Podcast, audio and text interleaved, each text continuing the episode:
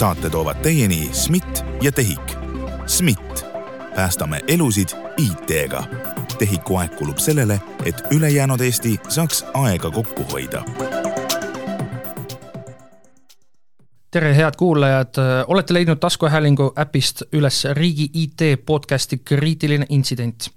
mina olen saatejuht Ronald Liive ja tutvustan teile koos põnevate külalistega põnevaid digiriigiga seonduvaid teemasid. Kui eelmises saates kaevusime meditsiinivaldkonda, siis sel korral hu-, uurime hoopis temaatikat, mille puhul mängivad rolli andmed. Ja kõik nendega siis seonduv. Juba tänaseks äh, viis aastat tagasi äh, hakkas Euroopa Liidus kehtima selline vahva asi nagu GDPR, mida me kõik teame, aga selle ümber on väga palju küsimärke õhus ja tänases saates me lahendame need, kõik need küsimused ära. sest külla on meile tulnud Andmekaitse Inspektsiooni jurist Keili Keppi, tere! tere! ma alustakski sellest, et äh, kas te saate üldse anda sellise kas nüüd väga detailse, aga põhjaliku kirjelduse ikkagi sellest, et mi-, milline teie tööpäev, tavaline tööpäev välja näeb. kas teie olete üks neist inimestest, üks äh, Andmekaitse Inspektsiooni juristidest, kes siis hakkab äh, nii-öelda menetlema, vaatama neid, neid kirjakesi, mis teile sisse tuleb, kus keegi ütleb, et siin on mingine valvekaamera, mis filmib midagi, mida ta vist ei tohiks filmida?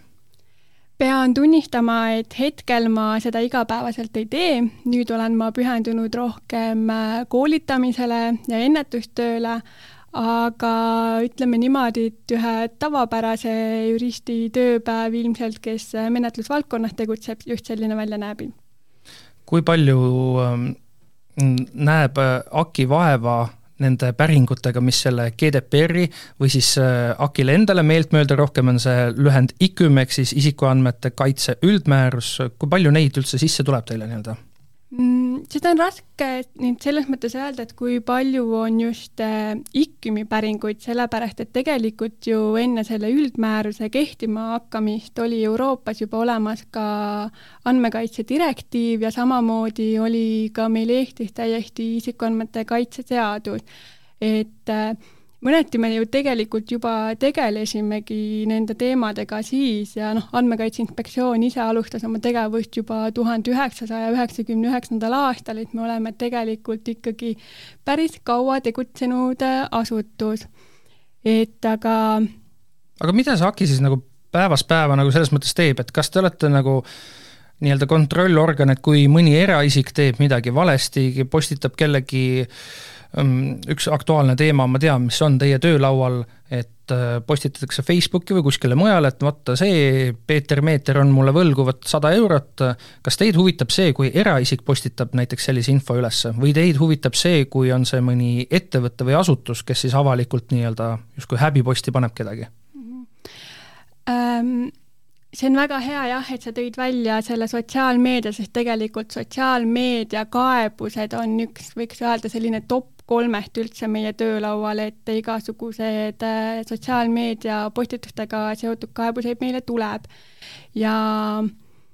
noh, muidugi me üritame siis nendesse sekkuda, aga samas me ei taha ka liialt nii-öelda inimeste era, eratülidesse ka sekkuda, et see on selline alati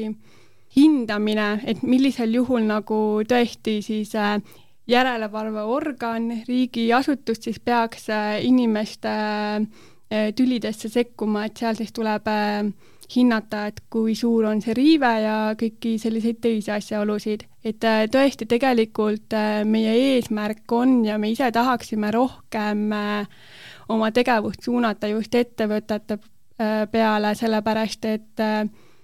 nende andmetöötluse mõju on lihtsalt nii palju suurem ja noh, me paratamatult, me oleme küll viimasel ajal kasvanud, aga me peame arvestama, et me oleme üsna väike asutus ja, ja me peame mingil määral valima, et kuhu me oma energiat suuname.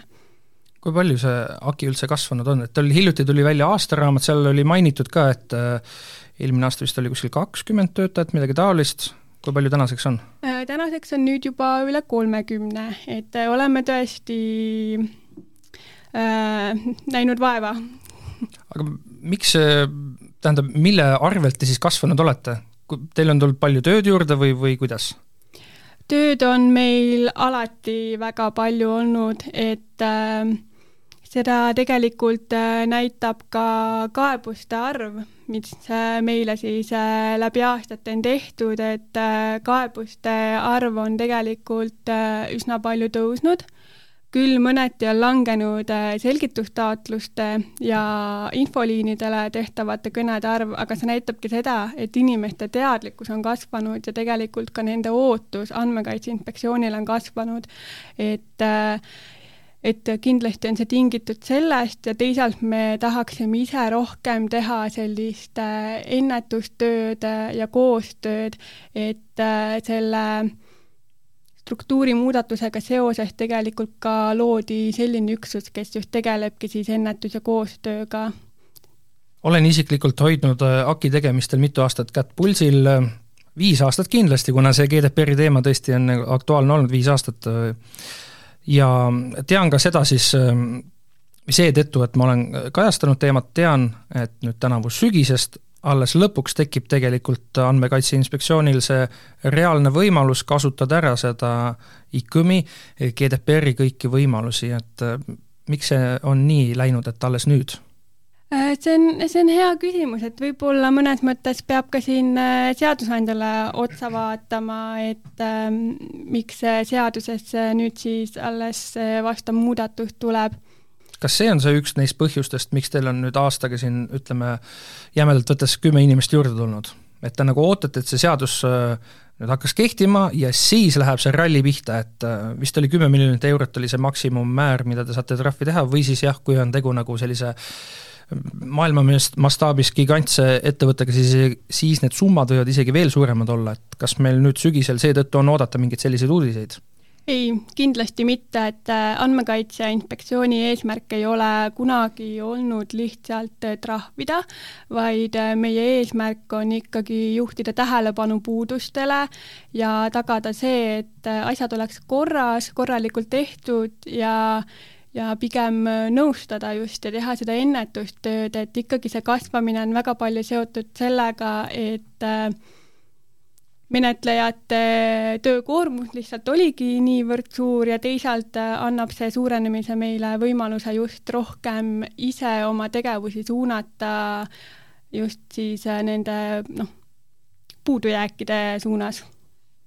kas äh, te justkui nagu ütlete välja üsna otsesõnu tegelikult, et sügisel ei ole oodata seda, et hakkaks nüüd suuri trahve tulema, siis ma küsiks niimoodi, et aga miks? sest vaadates teie nii-öelda kolleege näiteks Iirimaalt, seal tuleb vist iga päev tuleb teade, et on ta siis mingine Meta või Google või Apple, et oi, neile jälle keerati nüüd selline, selline trahv kaela, miks te olete nii, nii sõbralikud siis? Noh, noh siin tulebki nüüd mõelda, et kui me toome näiteks äh, selle Meta või Google või, või kõik need asutused äh,, mis on seal Iirimaal registreeritud, et siis tegemist on ikkagi väga suurte ettevõtetega. ja need miljonitrahvid ongi mõeldud ikkagi selliste suurte ettevõtete ohjeldamiseks, et äh, aga meil Eestis on ka ju me oleme ju selline idufirmade mm, kasvulava siis, et meil on näiteks Veriff, siis meil on mm, Wise ja Bolt ja nii edasi ja nii edasi. Need on täiesti suvalised näited, keegi ei pea ennast puudutatuna tundma, aga kas te näiteks käite selliseid Eesti idu, iduettevõtteid läbi ja vaatate neid lähemalt? Meil kindlasti jaa, nad on sattunud kas äh, ühel või teisel määral nii-öelda meie huviorbiiti, et aga järelikult siis ei ole võib-olla olnud neis ka selliseid äh, rikkumisi, et me noh, kui ei ole põhjust ikkagi trahvi teha, siis, siis me ju niisama trahvi tegemise pärast trahvi tegema ei lähe. Ja, ja teisalt ähm,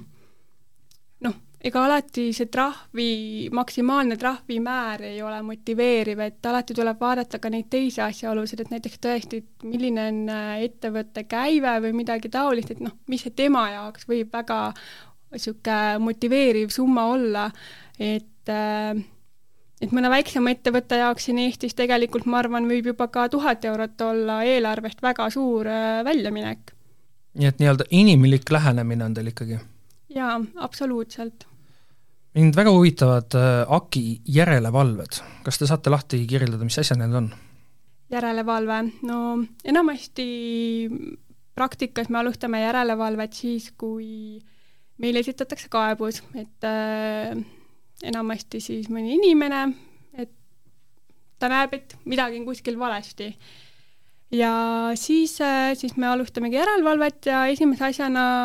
küsime siis selle ettevõtte jaoks äh, käest, tähendab, et äh, kuidas siis olukord on, laseme selgitada ja, ja vajadusel siis teeme ka ettepanekuid, et kuidas parandada ja kuidas nende nii-öelda selgitamise käigus, kas kõik vastavad teile ilusti, kuidas olukord on või on sellist ka väga palju, et et ei saadagi aru, et kes see üldse neile kirjutab ja mida ta üldse tahab minu käest? jah, kahjuks ma pean ütlema, et olen ka ise puutunud tõesti ka ikkagi kahekümne kolmandal aastal kokku jätkuvalt ikkagi inimestega, kes ei tea, mis on Andmekaitse Inspektsioon ja, ja tõesti öeldakse, et noh, et ma arvasin, et see on mingi selline vale kiri, et, et, et noh, et ma ei tea, mis on Andmekaitse Inspektsioon ja kust asutusest see kiri üldse tulnud on. aga kuidas siis nagu töö edasi läheb? Kas te peategi hakkama, sest tegelikult asutustes või ettevõtetes, noh, seal on vist küll teatud suurused nii-öelda tulevad mängu, et et sellises üks mees ja koer nagu sellises ettevõttes vist ei pea seda andmekaitse spetsialisti olema või peab, kas ma eksin? oleneb muidugi, mis andmeid ta töötleb, et äh, kui ta ikkagi töö... et tegevusvaldkond on väga oluline siis hoopis, mitte see suurus nii-öelda? just, täpselt, ja tegevusvaldkond üks asi, et näiteks äh, kindlasti kui terviseandmeid töödelda, et või siis ka see, et äh, mil määral neid töödeldakse, et tegelikult see, seda tuleb hinnata siis nii-öelda nagu isikuandmete kaitse üldmäärus ütleb, et sellest suure ohu aspektist nii-öelda, et kui sa näiteks töötled äh, viiskümmend tuhat ja enam, viiekümne tuhande ja enama inimese tavalisi isikuandmeid, siis näiteks sa peaksid ka andmekaitsespetsialisti, spetsialisti määrama. kui sa töötled näiteks kümne tuhande inimese selliseid tundlikud andmeid, näiteks äh, krediitkaardi andmeid või midagi taolist, siis samuti juba peaksid mõtlema selle peale. ja terviseandmete puhul on siis arv äh, viis tuhat. kas Andmekaitse Inspektsioonil on kuskil nimekiri kõigist neist andmekaitse äh, ekspertidest või spetsialistidest, kes siis Eesti ettevõtetes asustu-, asustustes on? Meil endal sellist nimekirja ei ole, küll aga tegelikult äh, isikuandmete kaitse üldmäärus äh, näeb ette selle, et äh, sa pead järelevalveasutust ja avalikkust siis teavitama andmekaitsespetsialistist. Ja praktikas tähendab see seda, et äriregistris on täiesti olemas selline võimalus, kuhu sa saad minna ja märkida ära enda andmekaitsespetsialisti kontakti, kus saab temaga ühendust võtta. Ja meie oleme lugenud, et sellega on siis täidetud nii meie teavitamise nõue kui ka avalikkuse teavitamise nõue. Ja seetõttu ei ole meil endal otseselt sellist nimekirja. Aga kuna nii, nagu te kirjeldasite just, et see oleneb nii-öelda sellest tegevusvaldkonnast, kus see ettevõte või asutus tegeleb, siis selline lahter või selle lahtri täitmine ei ole kohustus otseselt? ei, kui andmekaitsespetsialisti määramise kohustust ei ole, siis ei pea sinna lihtsalt igaks juhuks panema mingit äh, nime, et äh, see isegi võib tegelikult äh, segadusse ajada, et noh, tegelikult ju kui sa sinna suvalise nime paned, siis ilmselt see töötaja päriselt ju andmekaitsespetsialisti ülesandeid ei täida aga nii, nagu te ütlesite just, et järelevalvet te teete siis, kui keegi tuleb nagu ütleb, et vist siin on midagi mäda või, või ta ütlebki lausa faktiliselt nii-öelda, näitab teile ette, mis seal mäda on, et alles siis te lähete uurima. kas te ka teete niimoodi, et te nüüd täiesti ise siis, et proaktiivselt, et võtame nüüd ühe valdkonna ette ja vaatame näiteks perearstikeskuseid? jaa, me teeme ka selliseid järelevalveid, et miks ma lihtsalt tõin välja selle kaebustepõhise järelevalve, et noh, paratamatult see on jälle suurem osa meie tööst ja, ja kaebuseid äh, tuleb meile rohkem, aga omaalgatuslikult me tõesti ka teeme järelevalveid ja just äh, nagu me ennem rääkisime, siis äh, see meie kollektiivis suurendamine tegelikult võimaldabki jälle samamoodi teha rohkem selliseid omaalgatuslikke järelevalveid nendes valdkondades, kus me näeme, et on probleeme. ehk siis see järelevalve, see käib ikkagi mm,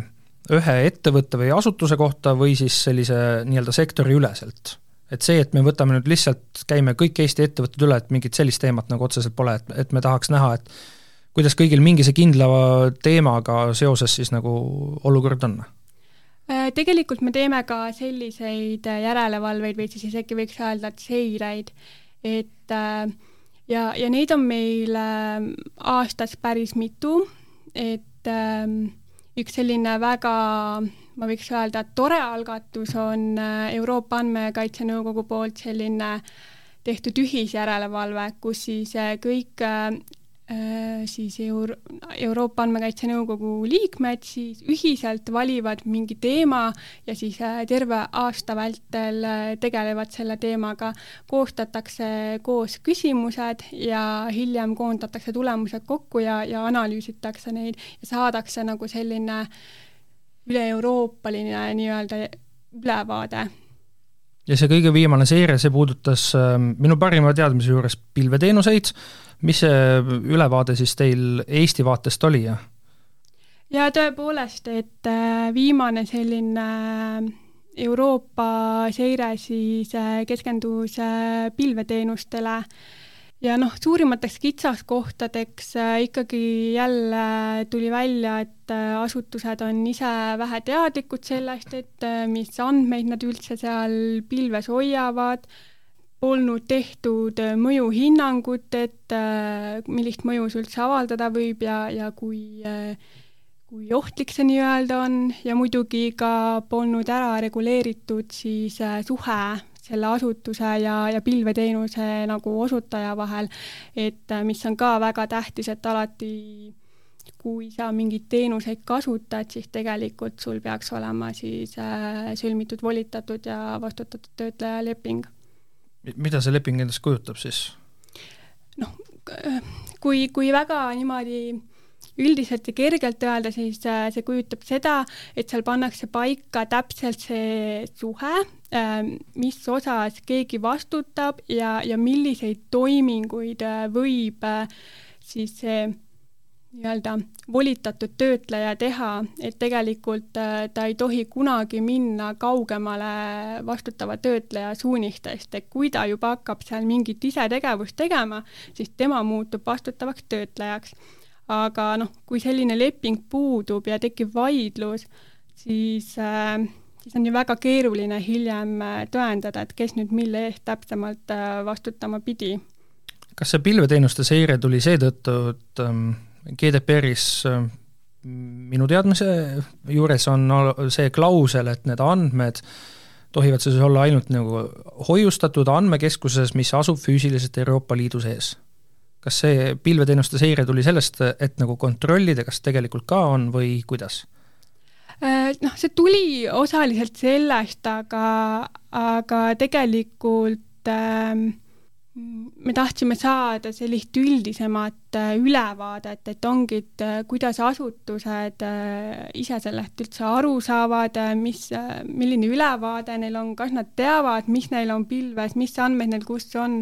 et mida me praktikas väga tihti tegelikult näeme, on see, et mitte ainult avalikus sektoris ega mitte ainult selle pilveteenuste puhul, vaid üldiselt, et väga ei ole ülevaadet äh, andmetöötlejatel, et tegelikult äh, mis andmeid ja kuidas ja kus nad üldse töötlevad, et selle peale nagu väga ei mõelda. kuidas on see võimalik? nagu, nagu, nagu reaalselt, meil on see, ICUM on viis aastat on, on olnud, seda, et ta tuli, seda me teadsime nii-öelda pikalt ette, kuidas on see ikka veel võimalik? Äh, jah, mm, par-, see on jälle võib-olla kas siis äh, kivi meie kapsaaeda või, või selline üldine küsimus, et äh, kuidas ei ole veel see info siis jõudnud kõikideni, et ilmselt on vaja siin teha veel suuremat äh, ennetustööd, rääkida sellest. Ja noh, seda me muidugi oleme ka juba jõudsamalt tegemas siis ma vaatasin ähm, enne seda, kui me vestlust alustasime, Andmekaitse Inspektsiooni veebilehte, seal on välja toodud ka teie hoiatused.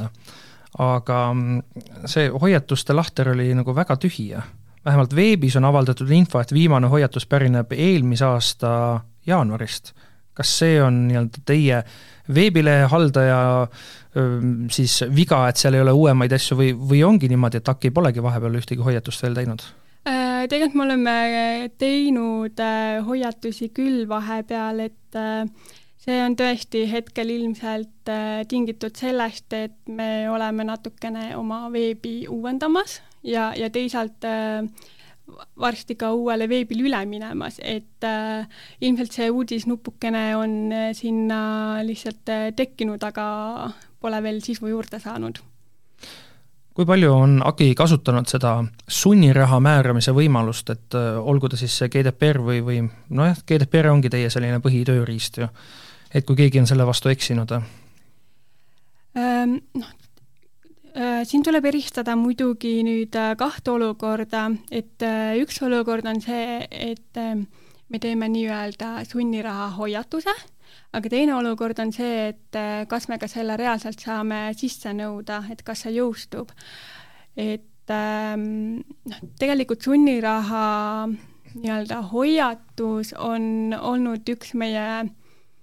kuidas öelda, selline mõjutamismeede seni küll, et äh,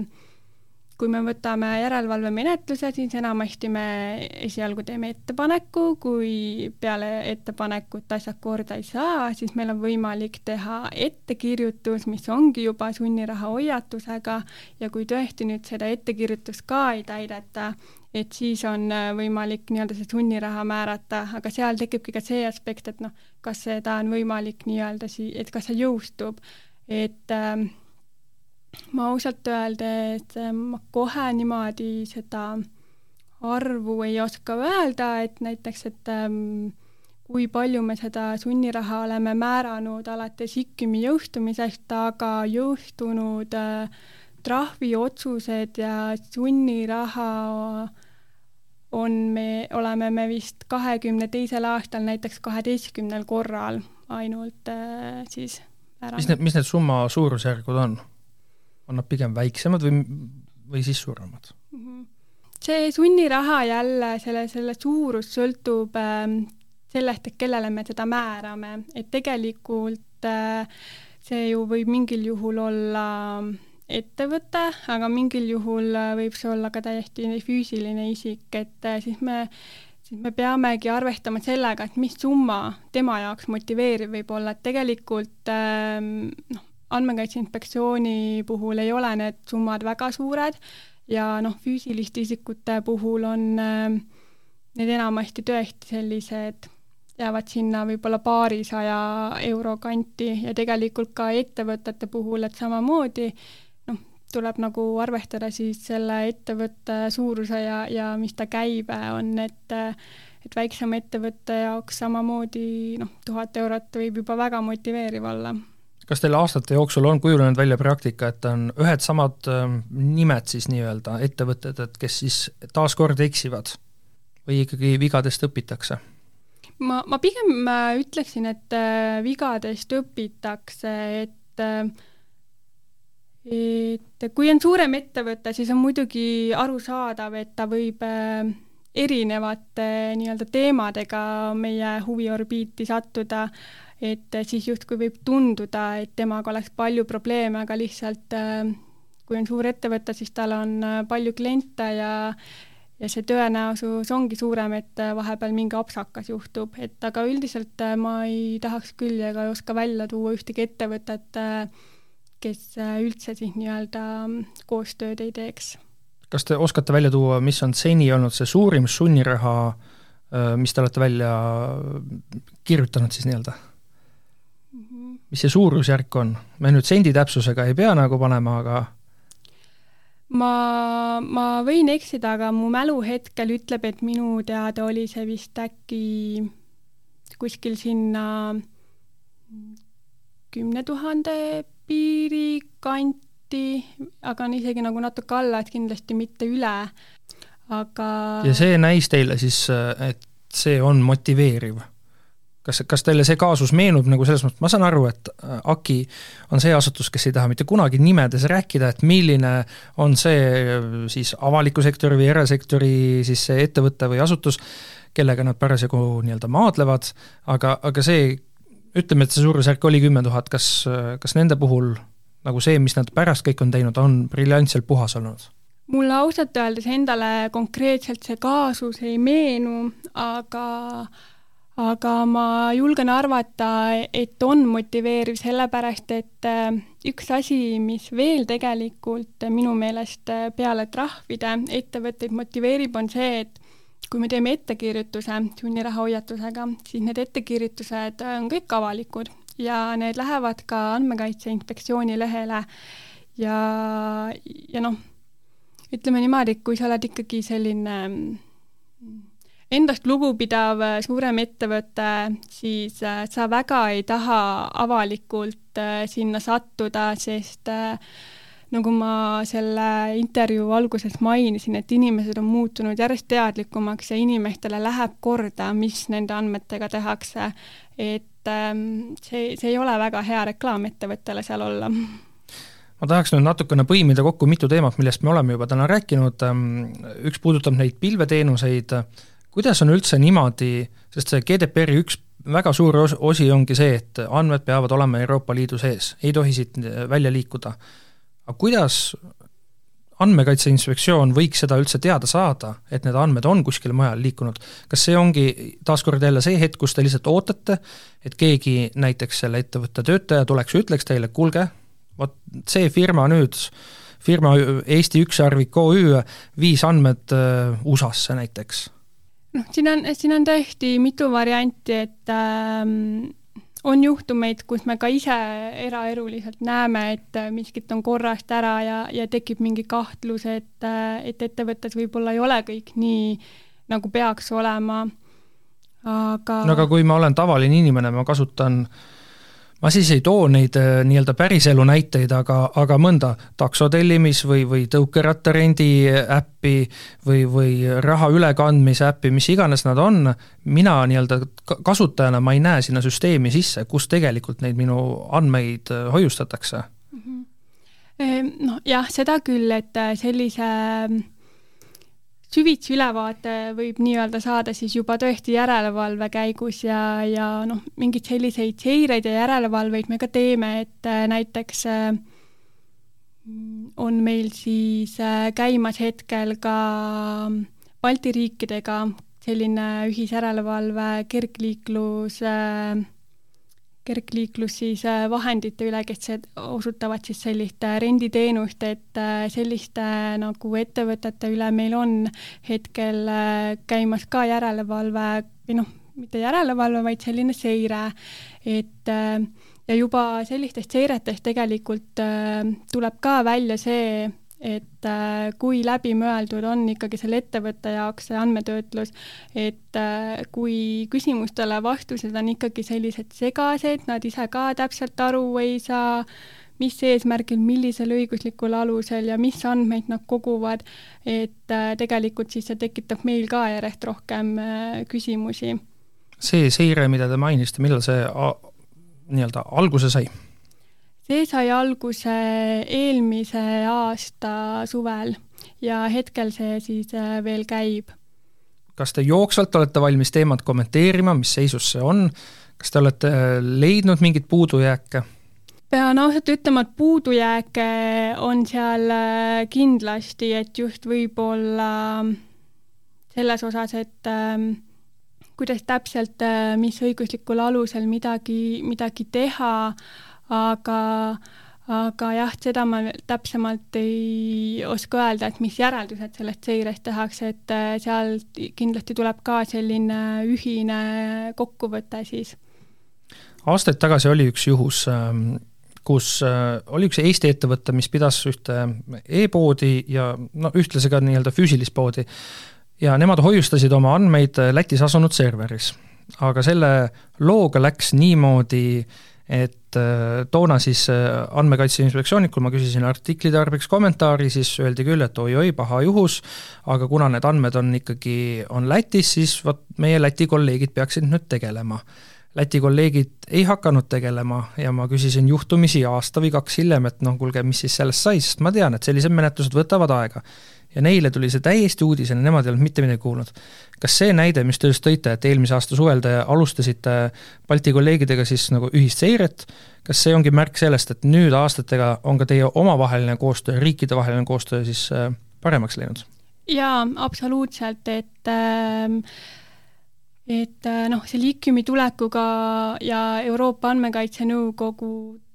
tänu sellele on noh, üldine koostöö on väga palju paranenud ja, ja tegelikult me üritamegi ka omavahel Balti riikidega seda ähm, koostööd suurendada ja, ja noh, ka teha veel tulevikus taolisi ühiseid seireid, et äh, hetkel küll äh, veel ei ole mingit kindlat teemat välja valitud, aga, aga see meie eesmärk on. et äh, ja noh, see, see jah, see näide, mis sa tõid, et et mõnikord juhtub, et ei saa sellist vastust kiiresti, et siis see on paratamatult sellise rahvusvahelise suhtluse osa, et tegelikult äh, ka meil menetlused võtavadki väga palju aega, sellepärast et äh, tihti sa pead äh, kuskilt äh,, noh, täiesti toon suvalise näite, ongi kuskilt äh, Saksamaalt, Iirimaalt, kust iganes, sa pead väga kaua ootama seda vastust. aga kuidas, kuidas selline riikidevaheline koostöö välja näeb, kas teil on mingi kindel äh, ma kasutan lihtsat sõna nagu suhtlusplatvorm või teil on ikkagi, me hakkame nüüd, äh, läheme guugeldama, et kes Saksamaal võiks olla see õige inimene nende andmekaitse inspektsioonis, kellele ma kirjutama peaks ja te saadate lihtsalt ühe e-kirja siis? Äh, tegelikult äh, on meil täiesti selline üle-euroopaline menetlussüsteem, kus siis menetletakse piiriüleseid juhtumeid, et ütleme näiteks, kui äh, mõni Eesti kodanik teebki siis äh, Facebooki peale kaebuse ja meie tahame selle edastada Iirimaale, siis me edastame selle läbi siis just selle süsteemi ja tegelikult on seal noh, üsnagi rangelt ette nähtud ka teatud äh, protseduurireeglid ja, ja tähtajad, et äh, et et äh, kuna neid riike on nii palju ja, ja kaebusid on nii palju, et siis kui selliseid reegleid ei oleks, siis ilmselt see mm, süsteem kukuks kokku ja menetlemine muutuks veel keerulisemaks. et äh, aga teisalt jah, võib-olla tihti need äh, tähtajad ja, ja reeglid ka suruvad meid sellistesse raamidesse, et, et meil ei ole võib-olla väga palju võimalik mõjutada seda, et kui kiiresti me menetletud saame, sest äh, kui ikkagi juhtiv järelevalveasutus näiteks äh, Facebooki puhul on Iirimaa, siis me peame selle kaebuse sinna edastama ja me peame laskma siis neil selle kaebusega tegeleda. aga mille põhjal see siis on, et et see Facebooki näide oli Iirimaa, see Eesti ettevõtte näide oli see, et ettevõte oli loodud Eestisse, nende andmed asusid füüsiliselt Lätis, kuidas see nagu selliste asjade puhul nagu, kes ja kuidas, mille alusel otsustab, et milline riik seda menetlema hakkab? Mm? -hmm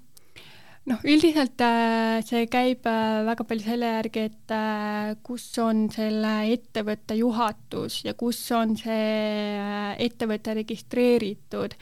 et äh, on ka selliseid keerulisemaid äh, juhtumeid, kus ettevõte justkui on registreeritud ühes riigis, aga märgid viitavad sellele, et tegelikult juhatus toimib äh, kuskil mujal. et siis ka tihti riigid peavad leidma sellise ühise lahenduse ja nii-öelda heas mõttes vaidlema, et kes siis nüüd see järelevalveasutus on, kes siis peaks seda menetlust juhtima, et aga üldiselt noh, rusikareegel võiks olla, et, et seal, kus siis asub juhatus ja kus on see ettevõte registreeritud. kui kaua te saate üldse tagasi minna näiteks see, taaskord seesama e-poe kaasus, et äh, oli ta nüüd, ütleme, et oli aasta hiljem, tuli välja, et äh, teie Läti kolleegid ei teinud sellega midagi ja Eesti omad ka ei teinud, kuna te arvasite või eeldasite, et Läti kolleegid juba tegelevad kas te saate nagu aasta hiljem minna tagasi ja öelda, et kuulge, et äh, vot teil oli siin nüüd andmeleke, et neljateist tuhande eestlase andmed olid avalikult kättesaadavad, et nüüd me hakkame menetlema või selleks hetkeks on selline mõistlik aeg möödunud juba? Me noh, tegelikult meil on ikkagi võimalik sellisel juhul äh, neile nii-öelda meelde tuletada või, või algatada see protseduur tegelikult ka täiesti uuesti, et mingites olukordades me olemegi seda teinud, et äh, algatanud siis selle kogu protseduuri nii-öelda uuesti. et iseenesest see, see võimalus meil on. et aga see, need ongi väga keerulised juhtumid näiteks, kus äh, siis äh, teine riik väga ei taha midagi teha või ta ei vasta meile, et see natukene nagu jah, seob ka meie käed kinni, et me ei saa ju otseselt äh, kuidagi sundida neid või, või midagi taolist. et kui näiteks äh, nemad leiavad, et, et rikkumist ei olegi mõni aeg tagasi, umbes täpselt aasta aega tagasi kirjutasin ühe artikli, kus vaatasin Eesti erakondade veebilehti ja, ja märkasin sealt siis, et need veebilehed ei vasta IKUM-ile, sest et äh, IKUM, GDPR ütleb meile seda, et veebiküpsiste kasutamisest peab olema selline teavitus ja siis inimesel või sellel veebilehe külastajal peab olema võimalus ka nendest, nendeks siis loobumiseks. erakondade veebilehtedel ähm, neid ei olnud, küll selle peale, kui meedia alati ärkab, siis ju kohe nagu tehakse asjad ruttu kiirelt korda Äh, parasjagu muide, meil on üks uus erakond loomisel, kes samuti eile vaadates kü-, äh, veebiküpsiste seda teavitust ei olnud, aga see selleks. kui tihti te käite nagu üle nagu sellist asja, et teil aasta aega tagasi oli, me nüüd korra nagu, sest näiteks see, see on ju mõnes mõttes selline lihtne näide, vähemalt minu vaatevinklist, et keegi teie jurist võtab korra need veebilehed lahti, meil Eestis ei ole nii palju erakondi, et vaadata, kas sealt tuleb see küpsiste nii-öelda pop-up või ei tule? Noh, jaa, me tegeleme tegelikult ka nii-öelda selliste seiretega või, või noh, et me vaatame omaalgatuslikult mingeid, mingeid veebilehti üle ja, ja tihti ka selle põhjal näiteks, äh, kui me näeme, et probleem on suurem, siis äh, me saadame välja ka ringkirju, et, äh, et noh, näiteks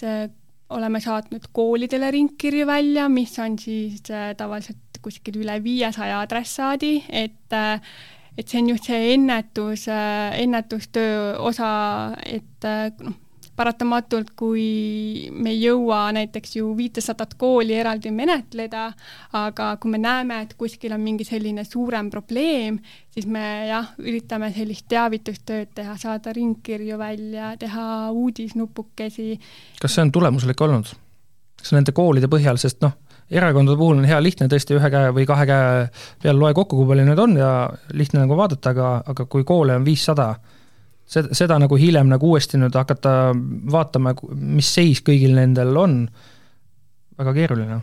Jaa, jah, seda küll, et äh, kindlasti me ei, ei äh, jõua võib-olla hiljem neid kõiki kontrollida, aga samas see tagasiside, mis me enamasti saame, et äh, meile kirjutatakse, küsitakse lisaküsimusi, soovitakse rohkem teada, et see näitab seda, et tegelikult äh, inimesed mõtlevad kaasa, nad reaalselt teevad selle kirja lahti ja nad tahavad asju paremaks teha. hiljutises äh, AKI aastaraamatus oli üks huvitav äh, kaasus või seik oli toodud välja aastast kaks tuhat kakskümmend üks, kus siis üks ettevõte vaidlustas AKI ettekirjutuse kohtus ja ta tahtis siis seda, seda esialgset õiguskaitset, mida talle küll ei antud äh, esialgu, aga kuna kogu see protsess nagu venis, venis nii pikale, siis ta kasutas seda võimalust selles mõttes ära, et ta kasutas AKI abi ja siis äh, lahendas kogu selle menetluse käigus selle probleemi ära, ehk siis see sunniraha, mis AKI nagu välja kirjutas, seega ei olnud enam aktuaalne. AKI ei saanud seda sunniraha nagu sisse nõuda, kuna AKI juristid andsid nii head nõu sellele ettevõttele, et kõik on nagu tipp-topp korras. ja siis lõppkokkuvõttes see kaasus lõppes niimoodi, et äh, nad, see ettevõte lasi kõik kohtukulud AKIL kanda. kas see on üks ja ainus selline juhus või on see nagu, selliseid asju on varem ka juhtunud? et kus kasutatakse teie head nõu ja abi ära ja siis lõpuks on veel, aa, meil oli kohtuvaidlus ka, et makske arve ka nüüd ma, ma ei ütleks, et see nüüd väga-väga äh, levinud on, et tegelikult noh,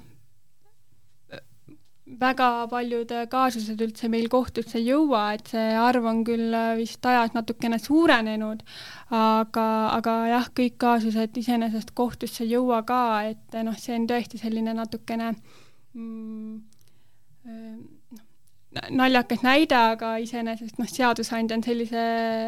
võimaluse ette näinud, et siis tuleb, tuleb seda austada, et aga aga väga tihti seda minu teada ei juhtu kas teil on mõni päevakajaline kaasus, mis on teie või teie kolleegide laual siis, mida te saate kuulajatele näiteks tuua? päevakajaline, et ehk täpsustaksite küsimust et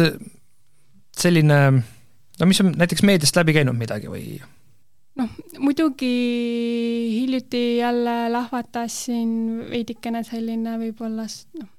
uudis või skandaal selle üle, et, et kuidas Andmekaitse Inspektsioon ikkagi siis neid äh,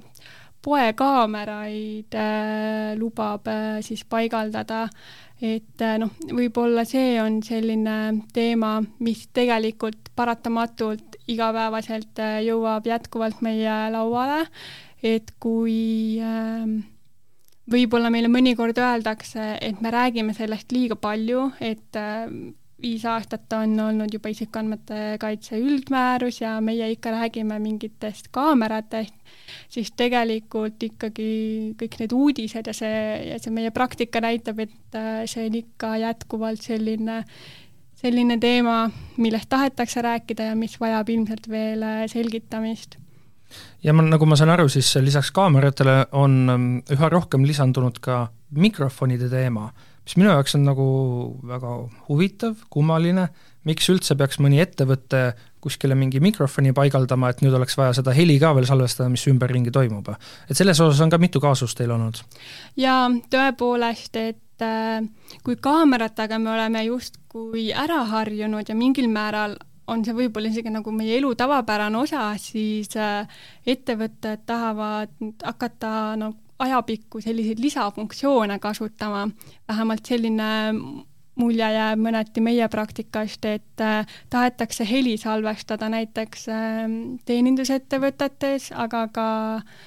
mõndades täiesti töökohtades või, või noh, muudes sellistes kohtades, mis on nagu eriti riivav, sellepärast et äh, tööl me veedame väga suure osa oma päevast ja, ja kui sind kogu aeg seal kaameraga jälgitakse, pluss salvestatakse sinu noh, vestlusi, siis ma arvan, et tegelikult väga raske on suuremat riivet äh,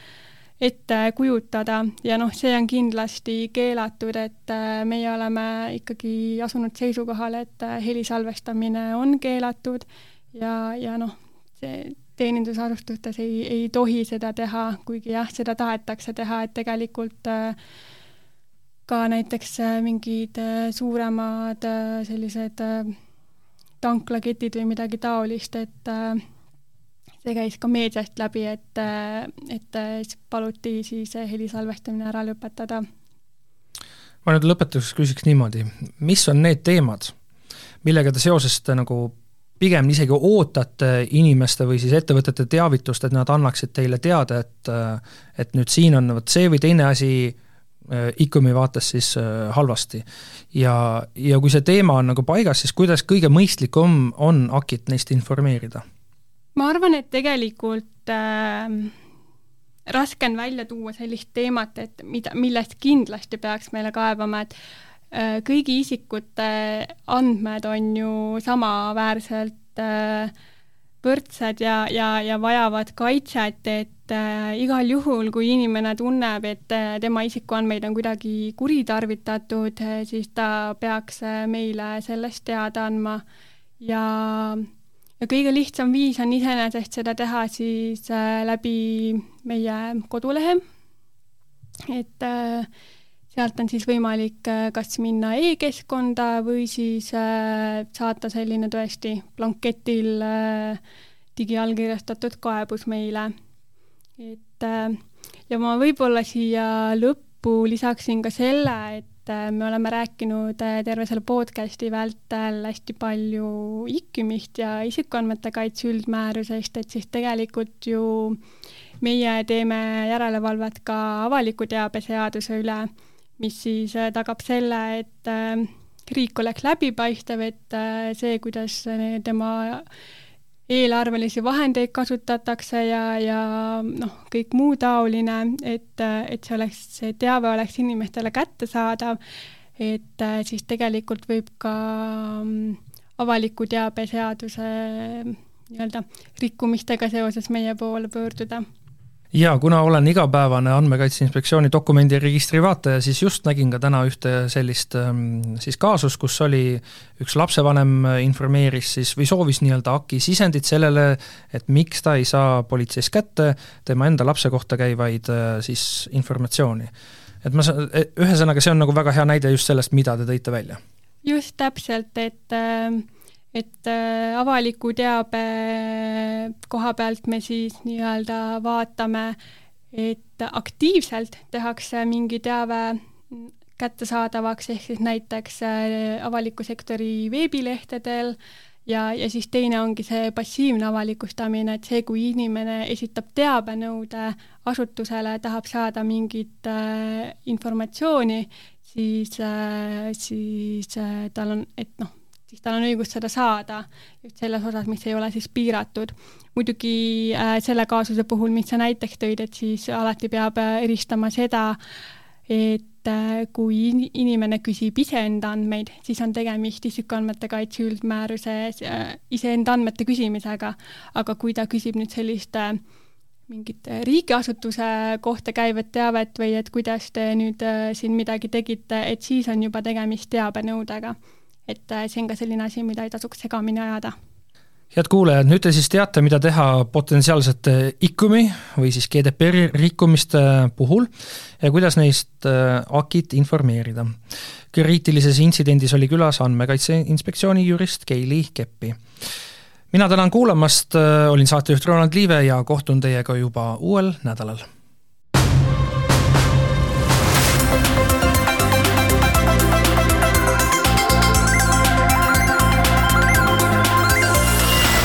saate toovad teieni SMIT ja TEHIK.